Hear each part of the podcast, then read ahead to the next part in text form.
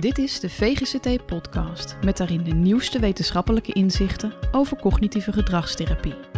Mijn naam is Mieke Ketelaars en ik ben kennisredacteur bij de VGCT. Elke aflevering spreek ik met één of meerdere experts over een ander thema. Beter worden in je vak was nog nooit zo makkelijk. We gaan het vandaag hebben over CGT bij relatieproblemen. Misschien niet het eerste waar je aan denkt als het gaat om CGT, maar dat is precies waarom Arjen Tammenga volgens mij staat te popelen om zijn verhaal te doen. Hij is psycholoog, relatietherapeut en onderzoeker, heeft zijn eigen praktijk en werkt tevens als zorgmanager bij Psinet. Daarnaast is hij bestuursvoorzitter van de sectie Relatie- en Gezinstherapie.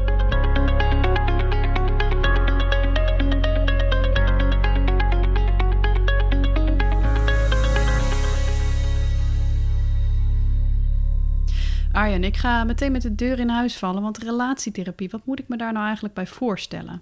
Als ik met koppels die ik in de praktijk krijg eh, in het begin zit en we hebben het een beetje over wat is relatietherapie of wat is het doel van relatietherapie, even los of, of aansluitend bij de eigen doelen die jullie hebben. Hè? Mm Waar ik dan altijd vertel, wat ik hoop dat we kunnen bereiken, is dat we eigenlijk de rotzooi die er tussen hen ontstaan is, kunnen opruimen. De negatieve patronen, de negatieve interacties zodat op een gegeven moment ruimte komt om weer even vanuit ja, een schone lijn naar elkaar te kijken en te ervaren van ja, is dit de persoon waarmee ik verder wil? Is dit de persoon waarmee ik oud wil worden?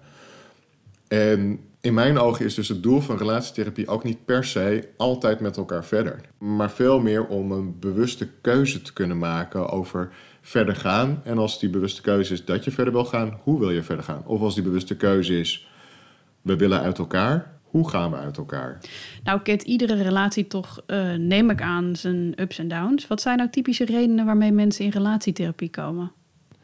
Wisman, Dixon en Johnson hebben in de jaren 90 daar een heel leuk onderzoek naar gedaan. En dan zie je uh, veel voorkomende redenen. Nou, sowieso het gevoel is weg.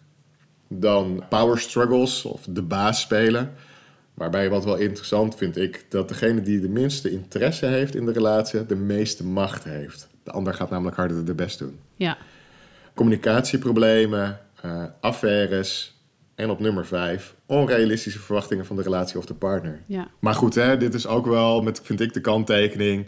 Dit is aan therapeuten gevraagd. En er is ook leuk onderzoek van uh, Dawes, Simpson en Christensen. En die hebben het juist bij koppels gekeken. En wat ik daarin interessant vind, er zit sowieso een verschil tussen wat koppels zelf zeggen waarvoor ze naar relatietherapie gaan of waarvoor ze naar relatietherapie zijn geweest en wat therapeuten zeggen. En dan binnen de koppels zit er nog weer een verschil tussen wat de ene partner en de andere partner zegt. En er zit wel overlap bij. Hè? Dus het gevoel is weg, die komt veel voor. Uh, communicatie komt veel voor. Maar de 5 voor 12, die ik persoonlijk in de praktijk toch best wel veel zie, of een paar minuten na 12, is voor mijn gevoel, hè, overwegen te gaan scheiden, of een van de twee is al bij een advocaat geweest. Dat, dat zijn ook de momenten dat ik denk, ach, als jullie nou zeg twee, drie jaar eerder waren gekomen, dan had dit zoveel makkelijker geweest. En het is niet dat het niet meer kan, nee. maar het is wel dat het echt veel lastiger is. En wanneer is dan het punt bereikt dat je zegt, nou heeft relatietherapie geen zin meer? Voor mij zit de toets in, denk je dat het niet meer kan of wil je het ook niet meer kunnen? En als iemand zegt, ik denk dat ik het niet kan, ik, ik zie niet hoe het zou kunnen, hoe het zou moeten, dan zeg ik, oké, nou weet je, daar ben ik voor. En daar kunnen we mee werken. En dan gaan we daar ook wel een stuk gesprek over voeren. Ja. Maar als iemand zegt, ik wil het ook niet meer kunnen, dan heeft iemand vaak, ja, in mijn ogen, eh, ook zover opgegeven dat er ook heel weinig motivatie is om daadwerkelijk wat te doen. En ik denk van ja, als je niet iets gaat doen, als je niet iets anders gaat doen, dan wordt het wel heel lastig om verandering te bewerkstelligen. En dat is iets wel wat ik probeer te bereiken, dat beide partners bereid zijn om nog wat te investeren. En het is oké dat die bereidheid verschilt. Het is oké dat er twijfels zijn. Maar als er nul bereidheid is bij een partner, nou, dan kunnen we eerst dat proberen te adresseren. Kan ook bijvoorbeeld even in een individueel gesprek. Dan kun je namelijk ook iets meer onderzoeken waar zit dat in. Mm Maar als die bereidheid nul is, dan, dan is het hard trekken. Ja. Je noemde net ook die uh, individuele gesprekken. Is dat standaard in relatietherapie? Ik weet dat niet iedere relatietherapeut gecharmeerd is van individuele gesprekken. Ik vind dat zelf essentieel als ik denk aan de intake, de assessmentfase, waarin ik een, een goede casusconceptualisatie probeer te krijgen. En er zitten gevaren bij, hè, bij individuele gesprekken. Maar even de partner één op één zien, daarin ervaren wat de dynamiek is, maar ook daarin eventueel kunnen kijken van zijn er dingen die niet uitgesproken kunnen worden als ze samen zijn, durven worden. Oké. Neem bijvoorbeeld een thema wat in mijn ogen extreem onderbelicht is binnen therapie, binnen relatietherapie, maar al helemaal binnen individuele therapie, huiselijk geweld. Ik heb nog even opgezocht uh, de cijfers van vorig jaar. CBS heeft vorig jaar een onderzoek gepresenteerd. 1,2 miljoen mensen had in de afgelopen 12 maanden huiselijk geweld ervaren. Van dat huiselijk geweld is 70% structureel. Dat zijn enorme cijfers. Weet je, ik krijg er kippenvel van als ik het zeg. Ja. En met stip op één is de dwingende controle.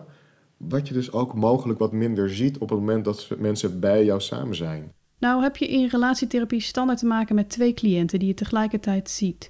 Hoe bewaar je in zo'n situatie nou je onpartijdigheid als therapeut?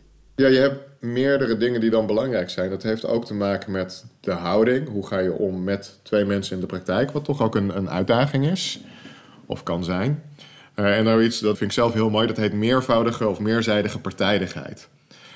En ik weet nog in het begin, toen ik relatietherapie voor het eerst begon te geven, dacht ik dat ik onpartijdig moest zijn. Nou, dat is niet te doen. en meervoudig partijdig vind ik heel leuk. En dat vertel ik ook tegen mijn koppels. Ik ben voor jou en ik ben voor jou. En ik ga mijn stinkende best doen om voor jullie allebei te zijn. En dat betekent ook dat als de een aan het woord is en je ziet iets bij de ander gebeuren, dan moet je dat adresseren. Maar zonder de eerste persoon te verliezen. Mm dat kan bijvoorbeeld zijn, eh, iemand zit vol in een verhaal en je ziet dat de partner gewoon boos wordt en wat wil zeggen. Aan de ene kant kan je dan zeggen, goh Marie, ik zie bij Piet even iets heel erg gebeuren. Vind je het oké als ik heel even bij hem check wat er nou gebeurt en dan kom ik weer terug bij jou? Weet, je? weet zij dat ik weer terugkom? Weet zij ook dat ik aandacht ervoor blijf hebben? Of omgekeerd, ik kan zeggen van, goh, Piet, ik zie dat er van alles en nog wat bij je gebeurt. Vind je het oké als ik eerst heel even Marie laat uitpraten om even haar visie te horen en dan check ik bij jou van wat gebeurde daar nou eigenlijk? Wat is jouw visie? Zodat ook Piet zich gehoord voelt. Want wat gebeurt er als je dat niet doet? Nou, dan is de kans heel groot dat Piet in dit voorbeeld uh, gewoon uitcheckt. En op een gegeven moment gewoon niet meer luistert en gewoon weg is. Of als ik zomaar switch naar Piet, dat Marietje denkt van ja, ho eventjes, word ik weer niet gehoord. Zelfs niet door mijn therapeut. Ja, hey, en je had het net over het gevoel dat weg is, uh, communicatieproblemen, onrealistische verwachtingen. Als je dat al ziet als relatieproblemen, wat heeft dat dan voor gevolgen voor de prevalentie van relatieproblemen? Zijn er dan überhaupt nog mensen zonder problemen? Ja en nee. Ik verwachtte deze vraag al, dus ik heb ook even zitten kijken. Ik kwam daar ook een stukje tegen van uh, Stichting Mind, een, uh, een correlatie. En die zeggen ongeveer 70% van de Nederlanders ervaart wel eens relatieproblemen. Dus voor mijn gevoel komen we ook al bij van ja, oké, maar wanneer is het dan erg? Als we nou een voorbeeld nemen van iets waarvan ik denk nou, dit heb je waarschijnlijk niet gewild, dan kunnen we gaan kijken naar scheidingen en het beëindigen van geregistreerd partnerschap. En één op de drie huwelijken of geregistreerd partnerschappen eindigt in een scheiding. En als je kijkt naar mensen die niet getrouwd zijn en ook geen geregistreerd partnerschappen hebben, dan zijn de aantallen van de verbroken relaties nog veel groter. Nou, dan zeg je dus eigenlijk dat het ergens tussen die 30% en die 70% ligt. Maar dat is nogal een range. Ja. Als ik kijk naar, maar wanneer zijn relatieproblemen nou een probleem? Eh, dat is denk ik een, een vraag die er dicht tegenaan ligt. Hè? Van hoeveel mensen hebben relatieproblemen, maar wanneer is het nou eigenlijk een probleem? Dan denk ik dat het vooral gaat over het er niet zelf uitkomen. Het gaat over die negatieve cirkel waar je op een gegeven moment in terecht kan komen. En we weten ook uh, uit onderzoek dat als er een bepaalde mate van relatie ontevredenheid is, of als de relatietevredenheid laag is, dat die over het algemeen niet zomaar verandert zonder ondersteuning of interventie. En als ik even vanuit het IBCT-model redeneer, en even voor de duidelijkheid, dit is niet het enige model wat werkt, niet het enige model wat nuttig is, maar daar zit ik gewoon zelf heel erg in.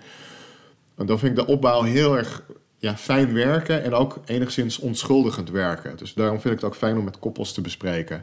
Dat begint met kijken naar van oké, persoonlijke verschillen. Die zijn er altijd. En dan hebben we het niet alleen over verschillen in persoonlijkheid, maar ook over verschillen in persoonlijke voorkeuren, overtuigingen, wensen, zoals een kinderwens. En dat is de plek waar je wrijving kan krijgen. Je kunt ertoe aangetrokken worden. Er wordt wel eens gezegd opposites attract. Uit onderzoek weten we dat het over het algemeen overeenkomsten zijn die daadwerkelijk aantrekken. Maar altijd zijn er verschillen. En verschillen hoeven geen probleem te zijn, ondanks dat je daar ook kan botsen en irritaties op kan krijgen. Ja. Wat wel het wat lastiger maakt, is iedereen heeft ook emotionele gevoeligheden. Die kunnen te maken hebben met opgroeien, Wat heb je meegemaakt in je gezin van herkomst? Wat heb je meegemaakt in vorige relaties? Weet je, heb je een partner die vreemd gegaan is? Kan best zijn dat je daar gevoeliger voor wordt. En als je nou per ongeluk met die persoonlijke verschillen die er zijn op de knoppen van je partner trapt, dan is de kans groter dat je wat vaker wat heftigere reacties krijgt. Ook dat hoeft allemaal geen probleem te zijn. Nee. Maar wat maakt nou de kans groter dat deze dingen wat tot problemen leiden? Nou, de eerste is externe stressoren. Zoals dus bepaalde levensfase, verandering, uh, het krijgen van kinderen, het met pensioen gaan, maar ook gewoon bijvoorbeeld stress van werk of stress rondom geld. Dat maakt dat er wat minder rek zit. En dat maakt de kans groter dat op het moment dat je emotionele gevoeligheid geraakt wordt, dat het heftiger is. En als dan daarnaast ook je eigenlijk nog niet mee hebt gekregen van ja, hoe kan ik daar nou effectief over communiceren. Dus je hebt negatieve communicatiepatronen. Dat maakt dus de kans groter dat mensen verzanden en vastraken te zitten. Dat ze gaan van het team wat ze eigenlijk zijn naar jij bent fout en jij moet veranderen. Mhm. En hoe meer dat gebeurt, ja, als iemand de hele tijd tegen mij zegt dat ik fout zit en dat ik moet veranderen, ik ga wel een beetje in de weerstand hoor. En dan ga ik ook nadenken over hoe mijn partner moet veranderen. Als ik een voorbeeld zou nemen, bijvoorbeeld, ik weet van mezelf, ik ben wat gevoelig voor het gevoel genegeerd te worden of niet serieus genomen te worden. Dat heeft echt met mij te maken, heeft met mijn eigen achtergrond te maken. Als ik nou een partner heb die, als ik het positief label, een hele mooie kwaliteit heeft, namelijk een stukje flexibiliteit. Ik ben zelf iets meer rigide, of als je het weer aardiger zegt, ik ben heel conscientieus. En wat ook bij die flexibiliteit hoort, is dat mijn partner misschien niet altijd op tijd komt. Want ja, die is er niet altijd mee bezig. En ik kan dat dan interpreteren als in mijn partner heeft geen respect voor me. Ze probeert niet eens op tijd te komen voor onze afspraken. En ik vind dat mijn partner haar best moet doen voor mij. Die moet gewoon op tijd komen. Zo moeilijk is het niet. Ik kan het ook. Maar kun je je voorstellen dat je die fijne partner van mij bent, die dit over zich heen krijgt? Over vijf minuutjes te laat zijn. Doe normaal zeg. Nou, en zo kun je je voorstellen dat je lekker met elkaar kan gaan vechten. Hè? In de EFT heet het patroon ook heel leuk zoek de boef. Vind ik heel leuk beeldend. Alleen hoe meer dat gebeurt, hoe meer je op een gegeven moment in een bunker komt te zitten en je echt gaat verharden. Ja. Dat is het gevaar.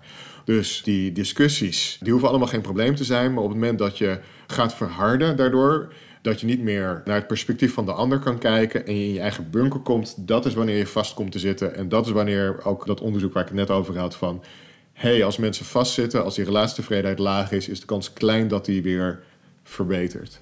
er kwamen net al een aantal behandelvormen voorbij. Je had het bijvoorbeeld over IBCT en, en net kwam ook EFT kort voorbij. Er zijn best wel veel evidence-based behandelvormen, begrijpen. Kun je daar iets over vertellen? Ja, de meest onderzochte vormen van gedragstherapie voor koppels zijn de TBCT, CBCT en IBCT. TBCT, traditionele gedragstherapie voor koppels waarbij voornamelijk de focus zit op gedragsverandering. Dat gaat over positieve gedragsuitwisselingen, gaat over problemen oplossen, communicatie. Dan de CBCT is de cognitieve gedragstherapie voor koppels, waarbij veel meer nadruk komt te liggen op de gedachten, zoals binnen cognitieve therapie natuurlijk eigen is, de interactiestijlen, hoe je over je partner denkt, de denkfouten die je daarin kunt maken. En de IBCT geïntegreerde gedragstherapie voor koppels. Dat pakt wat meer de dingen die je ook binnen de positieve psychologie en de acceptance en commitment therapie ziet. Waarbij de startfase vooral is, is van hé, hey, maar wacht eventjes. Het proberen te vechten om verschillen van mijn partner te veranderen, die zich misschien helemaal niet zo laten veranderen.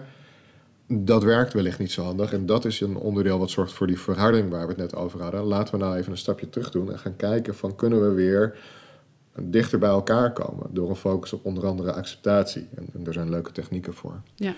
EFT, dat is denk ik de andere grote stroming in Nederland. Emotion Focused Couples Therapy gaat veel meer uit van de hechtingstheorie. Dus waar de gedragstherapeutische vormen van relatietherapie uitgaan van de leertheorie. En dat vertaalt zich ook over het algemeen in veel praktische handvaten, veel thuis oefenen, ook natuurlijk wel inzichten in de therapie zie je dat bij EFT de hechting centraal staat. En de hechtingskwetsuren die er zijn, hechtingsbehoeften, hechtingsangsten. Waarbij ook de therapeut meer een rol van hechtingsfiguur krijgt. En dat het werken met de hechting eh, in de therapie centraal staat. Ja. Het vraagt ook wat anders van de therapeut. En er wordt meer vanuit gegaan dat door experientieel werken koppels ervaringen binnen therapie opdoen die zich laten vertalen naar buiten de therapie. Dus bij EFT is ook wel wat huiswerk. Maar dat krijgt veel minder nadruk dan dat je dat bij de cognitief gedragstherapeutische vormen van relatietherapie ziet. En hoe staat het met de effectiviteit van die twee verschillende vormen?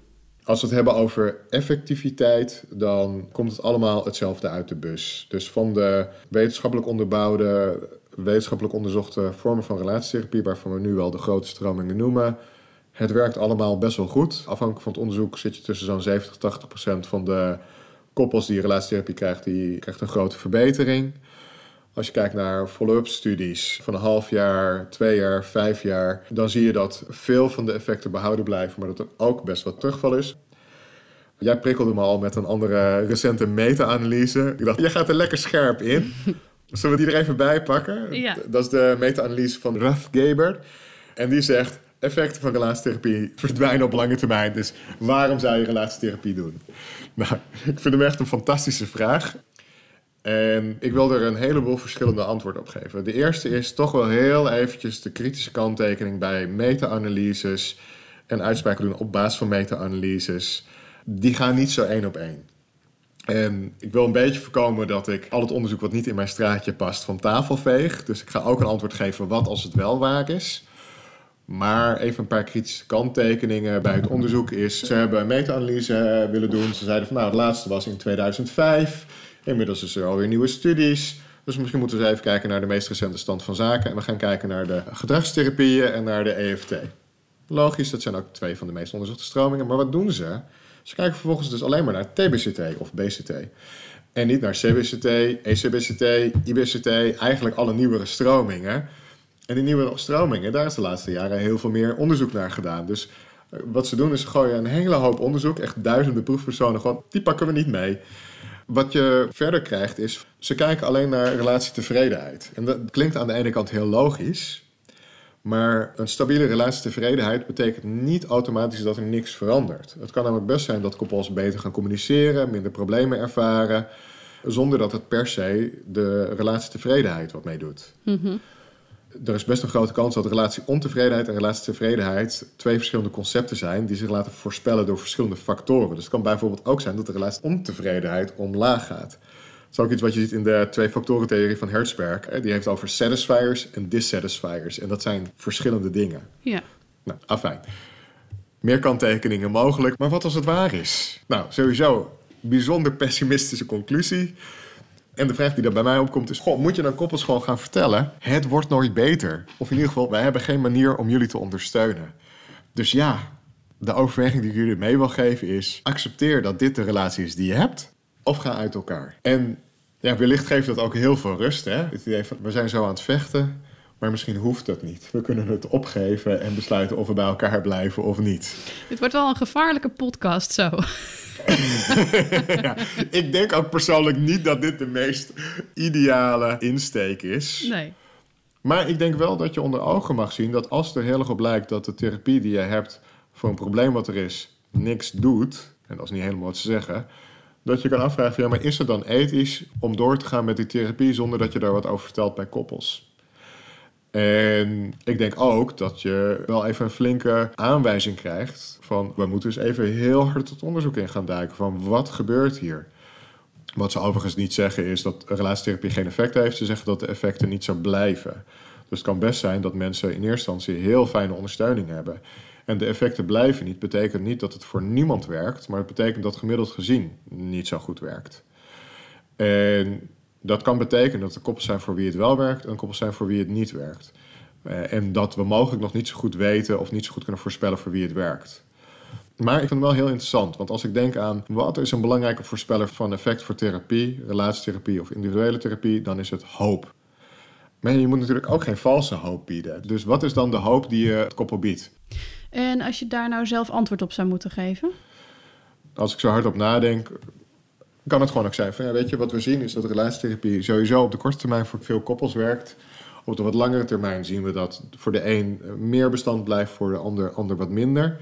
Dus laten we gewoon gaan kijken van, nou, wat kunnen we met elkaar doen? En laten we ook gewoon een beetje in de gaten houden van, als je nou merkt dat het gaat schuiven, is het misschien handig om even een boost te krijgen, een APK. Ja. En dat is iets wat ik wel opvallend vind. Ik vind in heel weinig onderzoek dat er gebruik gemaakt wordt van follow-ups. Dus er wordt wel relatietherapie gegeven. En heel vaak ook nog, als Amerikaans onderzoek is, behoorlijk lang. Hè, 20 sessies, 26 sessies. Terwijl in Nederland we vaak toch wat korter werken. Maar in dat onderzoek wordt bijna nooit gezegd van... nou, weet je wat, wat als we nou iedere drie maanden of iedere zes maanden een boostersessie uh, plannen? Want je kan ook voorstellen dat er misschien een bepaalde gevoeligheid... of een bepaalde kwetsbaarheid is bij een koppel. Net zoals dat je een bepaalde gevoeligheid of kwetsbaarheid kan hebben voor bijvoorbeeld depressie. En als we daarin een klein beetje kunnen normaliseren van wauw, die relatietherapie heeft bij jullie enorm goed gewerkt. Merk je nou dat het een beetje gaat schuiven, schrik niet. Dat is normaal, dat kan gebeuren. En het fijne is, weet je, je hebt vaak alleen maar even een kleine opfrisser of even een klein steuntje in de rug nodig. En dan kan je weer verder. Ja, mooi. Ik hoor daarin toch ook wel een pleidooi voor normalisering van relatietherapie en relatieproblemen iedereen of vrijwel iedereen wil graag dingen leren. Weet je, je wil een sport leren, je gaat sporten, je gaat trainen, je zoekt een trainer. Je wil een vreemde taal leren, je installeert een app op je telefoon om te gaan oefenen. Uh, je gaat een studie doen. Je wil je ontwikkelen in je werk, je krijgt een coach. Dus op eigenlijk bijna al onze levensdomeinen krijgen we ondersteuning en zoeken we ondersteuning en willen we ons ontwikkelen. Maar als het gaat over onze relatie, wellicht een van de belangrijkste onderdelen uit ons leven, doen we dat niet. Dat moet gewoon zijn. Het moet makkelijk gaan. En ik denk, wat, wat raar. Waar halen we dit beeld nou zo vandaan? Dit soort van geïdealiseerde beeld dat relaties altijd makkelijk gaan. Ik zou het zo fijn vinden als we ons realiseren dat relaties af en toe niet zo makkelijk gaan en dat dat oké is. En dat het oké is om bewust in je relatie te investeren. Nou ja, dat, dat, klinkt op zich heel erg mooi, maar tegelijkertijd is enig realisme denk ik ook wel op zijn plek. Want iedereen aan de relatietherapie is niet haalbaar, neem ik aan. Het wordt nu al niet vergoed. Nee, we kunnen nooit genoeg geld hebben om iedereen met psychische klachten of relatieproblemen gratis te ondersteunen.